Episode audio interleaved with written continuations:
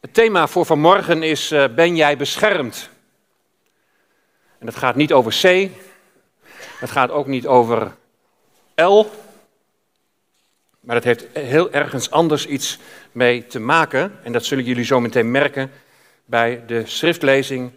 Datgene wat we samen willen lezen, Handelingen 19 vanaf vers 11. Handelingen 19 vanaf vers 11. Twee versen die overlappen even met de vorige keer. En dan dus nu weer het vervolg. Best wel een pittig Bijbelgedeelte. Ook niet altijd een makkelijk Bijbelgedeelte.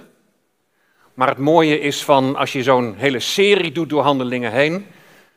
Tenminste, zo zit ik dan in elkaar. Dan moet je ook niet de moeilijke gedeelten uit de weg gaan. Maar ook daar gaan zoeken wat ja, de wil van de Heer daarin is. Handelingen 19 vanaf vers 11. Daar staat: Door Gods toedoen verrichtte Paulus buitengewoon grote wonderen. Zelfs de doeken en de werkkleren die hij gedragen had, werden naar de zieken gebracht, zodat ze genazen. En die genezing, daar hebben we de vorige keer vooral bij stilgestaan. En de kwade geesten hen verlieten. Dat zal meer het onderwerp zijn voor vanmorgen. Want luister maar naar het vervolg. Ook enkele rondtrekkende Joodse geestenbezweerders probeerden kwade geesten uit te drijven door het uitspreken van de naam van de Heer Jezus. En ze zeiden, ik bezweer je bij Jezus, die door Paulus wordt verkondigd. Het waren de zeven zonen van Skefas, een Joodse hoge priester, die dit deden. Maar de kwade geest gaf hun ten antwoord, Jezus ken ik en Paulus ook, maar wie zijn jullie? De man die door de kwade geest bezeten was, sprong op hen af en ging hen met zoveel geweld te lijf dat ze naakt en gewond het huis wegvluchtten. Uit het huis wegvluchten. Alle Joodse en Griekse inwoners van Efeze hoorden van dit voorval, dat hen met diep ontzag vervulde. Alle prezen en eerden de naam van de Heer Jezus. Veel nieuwe gelovigen kwamen in het openbaar hun praktijken opbiechten. Onder hen waren velen die magie hadden bedreven, maar die nu hun boekrollen eh, verzamelden en publiekelijk verbrandden. Toen de waarde ervan werd berekend, kwam men uit op een bedrag van 50.000 zilverstukken. Zo zegevierde het woord van de Heer en vond het steeds meer gehoor. Tot zover uit het woord van God. Zalig zijn zij, gelukkig zijn zij die het woord van God horen, maar die ook het verlangen hebben om ja, dat woord in, hun in de dagelijkse praktijk van hun leven toe te passen. Ben jij beschermd? Er is meer tussen hemel en aarde. En dat zeg ik wel eens om, om daarmee aan te duiden dat er een geestelijke wereld is die wij niet zomaar kunnen waarnemen.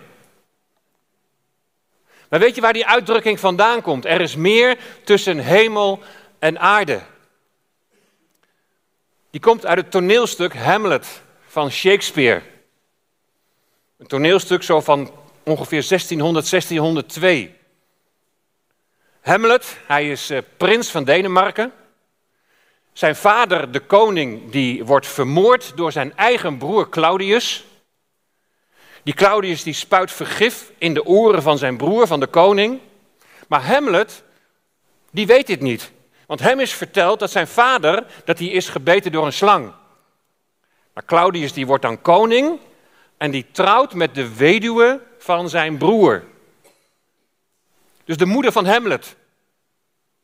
Dus Claudius, die wordt stiefvader van Hamlet. En dan verschijnt de geest van zijn vader, die verschijnt aan Hamlet. En die vertelt dat hij is vermoord door Claudius. En die geest die spoort Hamlet aan om wraak te nemen op zijn stiefvader. Horatio, die is vriend van Hamlet en die weigert eerst te geloven dat er een geest is verschenen. En die zegt, en dan zegt Hamlet, er is meer tussen hemel en aarde dan jij vermoedt, Horatio. Maar Hamlet die wil op een gegeven moment weten of de geest van zijn vader de waarheid heeft gesproken of dat het de duivel was. Er is meer tussen hemel en aarde dan dat wij zo kunnen waarnemen. En dit is natuurlijk een toneelstuk, maar dit kan zich ook in werkelijkheid afspelen. Een kwade geest die dood en verderf wil zaaien. Kwade geesten zijn handlangers van de duivel. En je leert hier in Handelingen 19 dat je de kracht van die, van die handlangers en dus ook de kracht van de duivel, dat je die niet moet onderschatten. In 1 Petrus 5, daar staat de duivel die gaat rond als, en wat zeggen we dan, als een brullende leeuw. En ik hoor mensen dan wel eens zeggen, nou ja, hij brult alleen maar. Hij heeft geen vat op mij, want hij is verslagen aan het kruis van Golgotha. Dat laatste is natuurlijk helemaal waar. Jezus is overwinnaar. Hij heeft de Satan overwonnen. Maar geen vat meer op mij. Pas op wat je zegt. Een vijand moet je nooit onderschatten. En zeker de duivel niet. Wat betekent het nou dat hij is verslagen toen Jezus aan het kruis werd genageld? Nou, lees maar mee in Handelingen 2, vers 14 en 15. Omdat die kinderen, dus wij, mensen zijn van vlees en bloed, is de zoon een mens geworden als zij, om door zijn dood definitief af te rekenen met de heerser over de dood, de duivel. En zo allen te bevrijden die door hun angst voor de dood hun leven lang in slavernij verkeerden. De duivel is de heerser over de dood. En die macht heeft de Heer Jezus teniet gedaan. In die zin dat degenen die op Hem vertrouwen, die in Hem geloven, dat die aan de eeuwige dood zullen ontkomen. Een ander gevolg is dat al vaststaat, kijkend naar de toekomst, dat de duivel voor eeuwig verloren zal gaan. Hij zal geworpen worden in de poel van zwavel en vuur. Maar dat betekent niet dat zijn rol nu al is uitgespeeld. Brult hij alleen maar? Nou, wat ik hier in Handelingen 19 zie, zegt mij wat anders. Hier in Handelingen 19, daar zie ik wat, wat zijn handlanger, wat die kwade geest in die man doet. En wat die zonen overkomt. Nou, dat is toch wel degelijk meer dan alleen maar een beetje brullen. Ja, maar zullen mensen dan zeggen, hier gaat het om ongelovigen. Dat kan ons als gelovigen toch niet meer gebeuren? Wat is de invloed van kwade geesten? Of wat kan de invloed van kwade geesten zijn? Lopen wij als christen die gevaccineerd zijn met het bloed van Christus nog gevaar om besmet te worden? Met andere woorden, kan er nog een invloed van kwade geesten zijn in ons leven? Nou, laten we eerst maar eens even kijken, wie is nou eigenlijk Skefas? En wat doen die, die zonen van Skefas? En wat gaat er dan op een gegeven moment mis? En vervolgens, wat betekent dat nou voor ons als gelovigen? Wie is Skefas? Skefas die wordt hier de hoge priester genoemd. En zo op het eerste gezicht denk je dan misschien van, wat moet dat verschrikkelijk zijn geweest voor die man? Heb je zo'n belangrijke bediening, je staat in dienst van God, je bent hoge priester en heb je zeven zonen die zich met occulte praktijken bezighouden. Maar wie is Kefas werkelijk? Er is hier vertaald met hoge priester, maar er zijn ook vertalingen die vertalen met overpriester. Kan allebei. En ik kan me voorstellen dat de herziende statenvertaling kiest voor overpriester. Want Flavius Josephus, hij is een bekende Joods-Romeinse geschiedschrijver, die leefde van 37 tot 100 na Christus, dus dicht bij de bron. Die heeft een opsomming gemaakt van alle hoge priesters en dan ontbreekt de naam van Skefas. Men neemt aan dat hij of daarom een, een overpriester was, gesteld over een aantal priesters, of het kan ook zomaar zijn dat hij zich die titel zelf heeft aangemeten, dat hij die als het ware heeft gekocht. Skevas komt van het Latijnse woord skeva, dat linkshandig betekent. Met als bijbetekenis sinister en onbetrouwbaar. Nou, wie is er linkshandig? Nou, voor die mensen moet je dus oppassen. En dan ben ik weer aan het framen, hè, waar we het vorige keer over hebben gehad. Dat is natuurlijk flauwekul.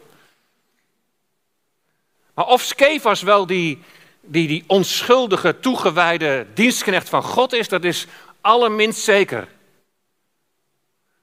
Misschien was het geestenbedrijven zelfs wel een soort van familiebedrijfje. Nou, wat doen die zeven zonen van Skefas? Ze zijn rondtrekkende Joodse geestenbezweerders.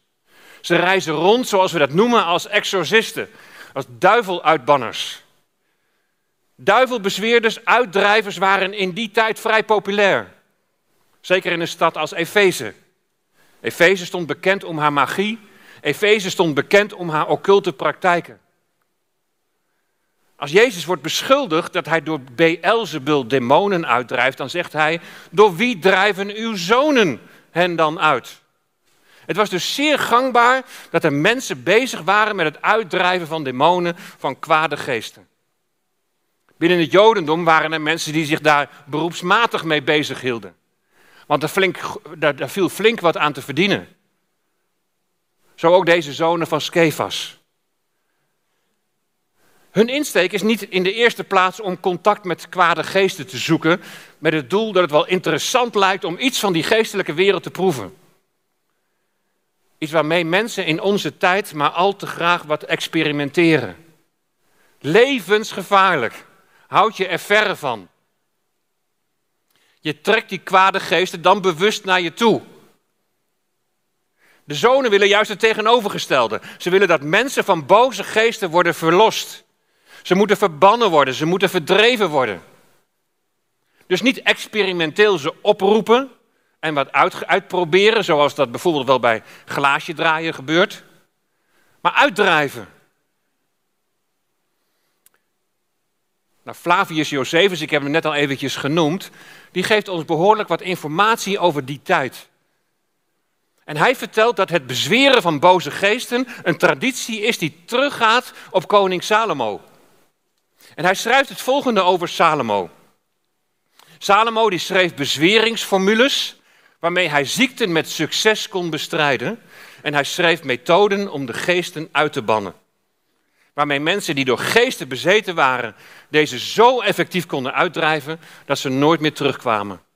En hij heeft deze formules en methoden aan het nageslacht nagelaten. Tot zover het citaat.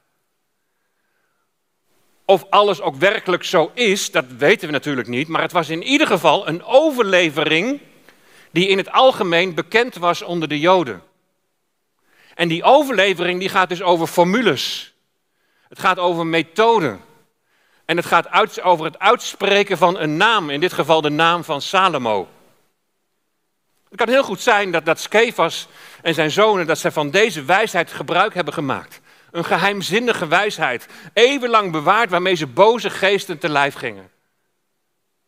Je moet dus de juiste methode toepassen en de juiste bezweringsformule. dat was eigenlijk het uitgangspunt. En zo krijgen we een beetje in beeld welke omstandigheden, in welke omstandigheden Skefas en zijn zonen leven. Nou, wat gaat er mis? Die zonen, die duivelbezweerders, die krijgen ineens concurrentie.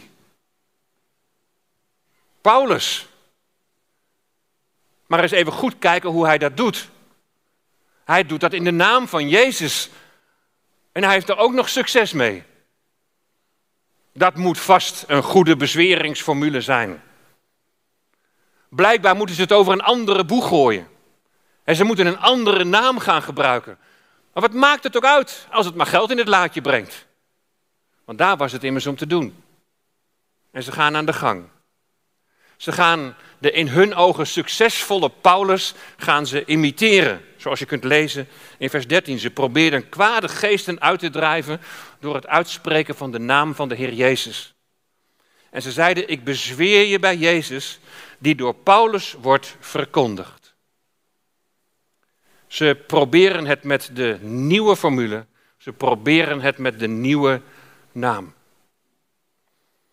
Maar deze duivelbezweerders die maken dezelfde fout als Simon de Tovenaar. We hebben dat al eerder gelezen in Handelingen 8. En Simon die meende dat de apostelen over de gaven van God naar eigen believen konden beschikken. En dat hij voor geld dan ook over diezelfde gaven zou kunnen beschikken. Maar wat je hier bij de zonen van Skefas ziet, is dat er wordt gecommuniceerd met die kwade geest. Want ze zeggen tegen die kwade geest, ik bezweer je bij Jezus die door Paulus wordt verkondigd. Ik bezweer je en, en de bezweringsformule is dan de naam van Jezus. Waardoor die kwade geest dan zou moeten vertrekken. Maar de Heer Jezus doet hetzelfde. De Heer Jezus sprak ook kwade geesten aan. Denk maar aan de bezeten man in het land van de Gadarenen. In Marcus 5. Dan zegt hij, onreine geest, ga uit van deze man. Jezus vraagt hem ook naar zijn naam. Hoe heet je? En dan antwoordt die onreine geest, mijn naam is Legio, want wij zijn met velen. En de onreine geest die communiceert terug en die smeekt hem dan dat hij niet het land zal hoeven te verlaten. Hier in Handelingen 19 zien we ook dat er wordt gecommuniceerd tussen de duivelbezweerders, de uitdrijvers en de boze geest. De zonen spreken de kwade geest aan met de juiste formule, maar die, die geest die begint niet te smeken. Die siddert niet in dit geval. Hij siddert niet voor de naam van Jezus. Integendeel, hij gaat in de tegenaanval. En die kwade geest zegt dan: Jezus ken ik en Paulus ook, maar wie zijn jullie? Met andere woorden, op grond van welke autoriteit denken jullie macht over mij te hebben? De discipelen van Jezus hebben in Lucas 9, vers 1 gezag over alle demonen gekregen. En dan denken deze zeven broers dat ze met de juiste bezweringsformule, dat ze hetzelfde gezag hebben. Nou, vergeet het maar. Uit vers 15 blijkt dat de kwade geest Jezus als meerdere erkent en Paulus ook. De zonen van Skefas spreken de naam van Jezus wel uit, maar ze, ze handelen niet in de naam van Jezus. Ze handelen niet namens Hem. Dat is het grote verschil. En wat gebeurt er dan? De man die door de kwade geest bezeten was, sprong op hen af, ging hen met zoveel geweld te lijf, dat ze naakt en gewond uit het huis wegvluchtten. Onderschat de vijand niet. Dat iemand die bezeten is door kwade machten buitengewoon sterk is, dat blijkt ook wel bij die man uit het land van de Gadarenen. Exact hetzelfde. Marcus 5, vers 4. Hij was al dikwijls aan handen en voeten geketend geweest. Maar dan trok hij de kettingen los en sloeg hij de boeien stuk. En niemand was sterk genoeg om hem te bedwingen.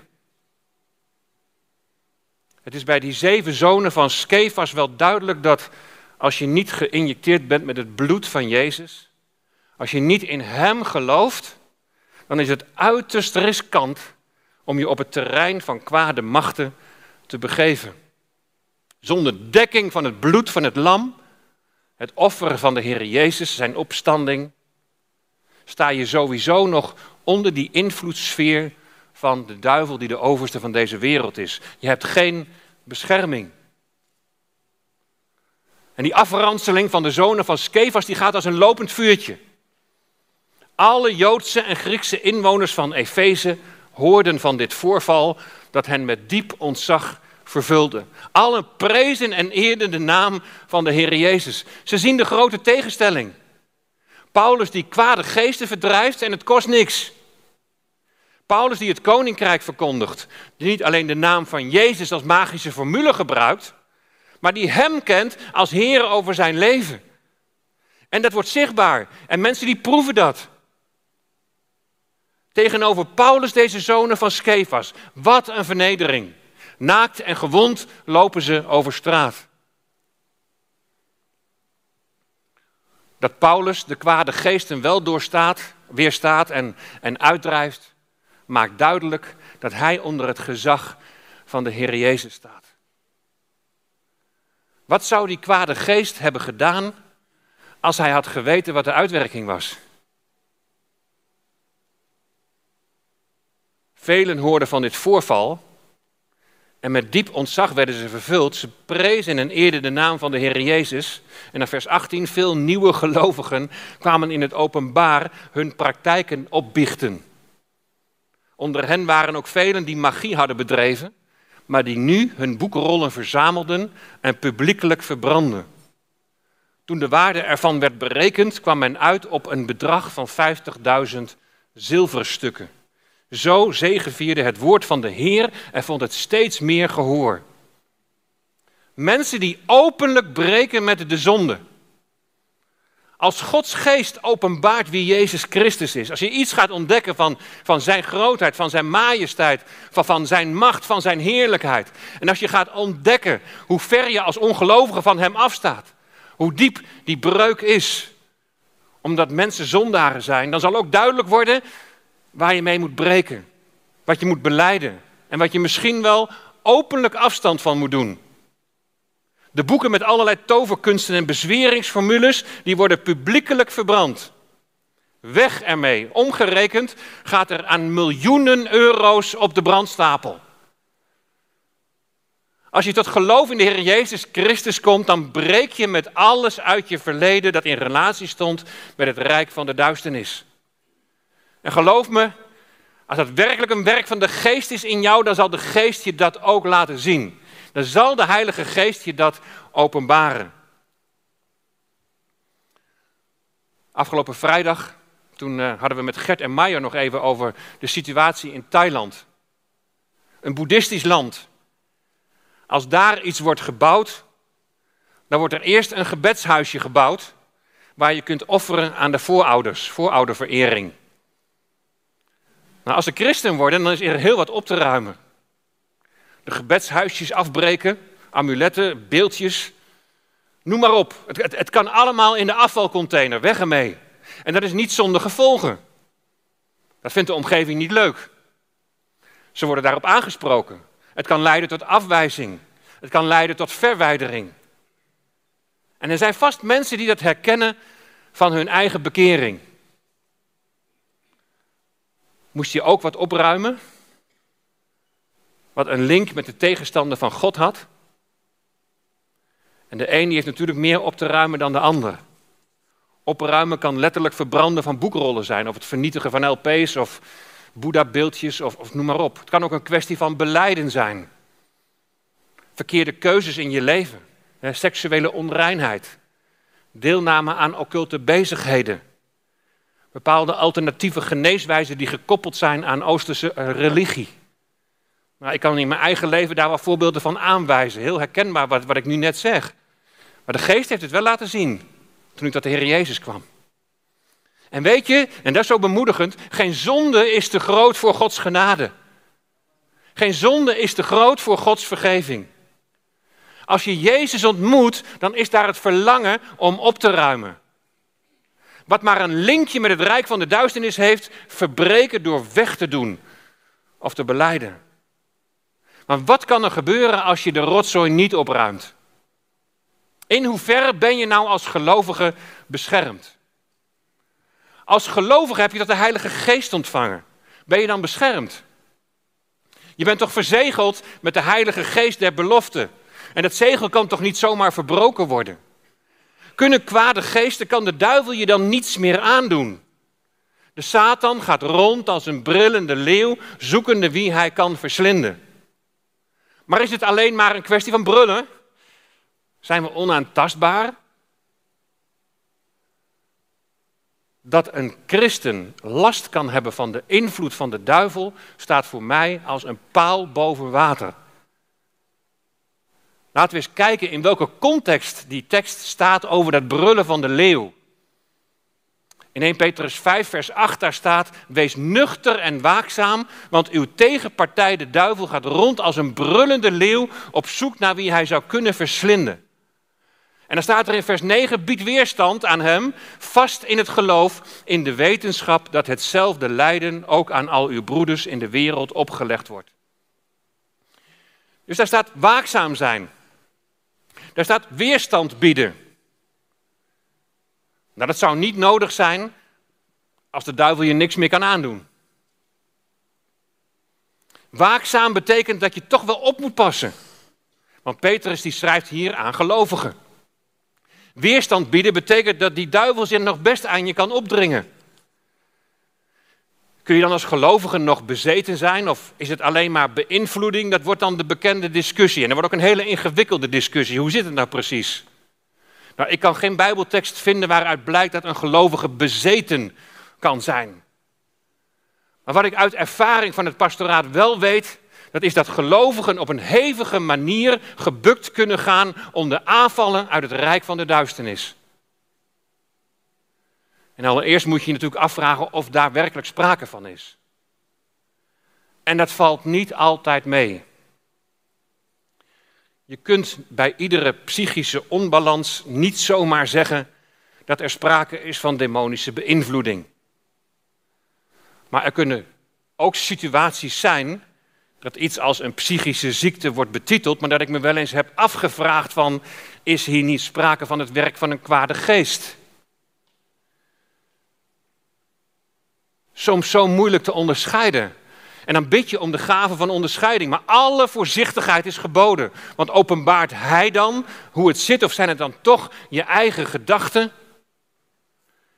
En het vraagt dan in de benadering om heel veel fijngevoeligheid. Het vraagt ook om heel veel geduld. Tijd van gebed. Tijd van vasten. Hoe wordt door iemand gereageerd op de naam van Jezus? Is er nog verlangen naar Gods woord? Kan iemand nog bidden? Verdraagt hij het gebed van een ander? Maar ook als dat duidelijk is, wees dan nog voorzichtig, want het is niet een lijstje even van afvinken. En dan eventjes de conclusie trekken. Het, is een kwestie van bidden, van, van afhankelijk zijn. Heer, openbaar hoe het in deze situatie is. Is er ergens een deur open blijven staan? Of heb je heel bewust misschien wel een deur opengezet? Leef je bewust in zonde en, en volhard je daarin? Dan zet je de deur open. Zijn er zonden die niet beleden zijn? Heb je met iets geëxperimenteerd waar je je niet mee in had moeten laten? Zijn er voorwerpen in je huis binnengekomen die occult belast zijn? Allemaal open deuren. Opruimen, beleiden is zo essentieel. Kom je dan in de vrijheid, dank God daarvoor. Het komt ook voor dat kwade geesten zich echt manifesteren. Dat het overduidelijk is dat je gedachten, dat je handelingen, dat die als het ware worden overgenomen. Het kan zich ook lichamelijk uiten. We hebben meegemaakt dat iemand op de grond ging liggen en het uitriep: ga weg, ga weg, ga weg. En dan geloof ik dat je onder het gezag van de Heer Jezus en in de naam van Jezus de kwade macht mag gebieden om weg te gaan. Er is kracht in de naam van Jezus, de naam boven alle naam. Bij bezetenheid gebied je de kwade geest om eruit te gaan. Bij gelovigen kan ik me niet voorstellen dat het om inwoning gaat. Maar zoals ik al zei, daar kan die kwade geest zich ook op een heftige manier manifesteren als deuren zijn opengezet. Dan heb je het misschien niet over eruit gaan, maar weggaan. Maar dat zijn woorden. Het is, is zo moeilijk te onderscheiden van hoe het nu precies zit. Wat je in ieder geval weet, en daar gaat het om, die kwade geest moet weg. En dat wegsturen doe je in de naam van de Heer Jezus. Maar het moet gepaard gaan met beleiden. Het moet gepaard gaan met bewust opruimen. Zo zie je, het is niet zomaar eventjes heel simpel een moment, maar het, het, is, het is een proces.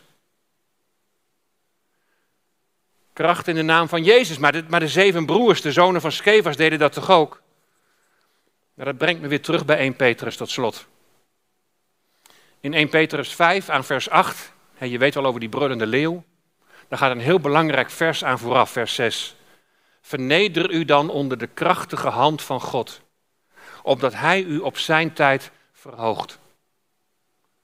Dat onder zijn krachtige hand van God je vernederen, dat betekent dat je in afhankelijkheid van God wil leven.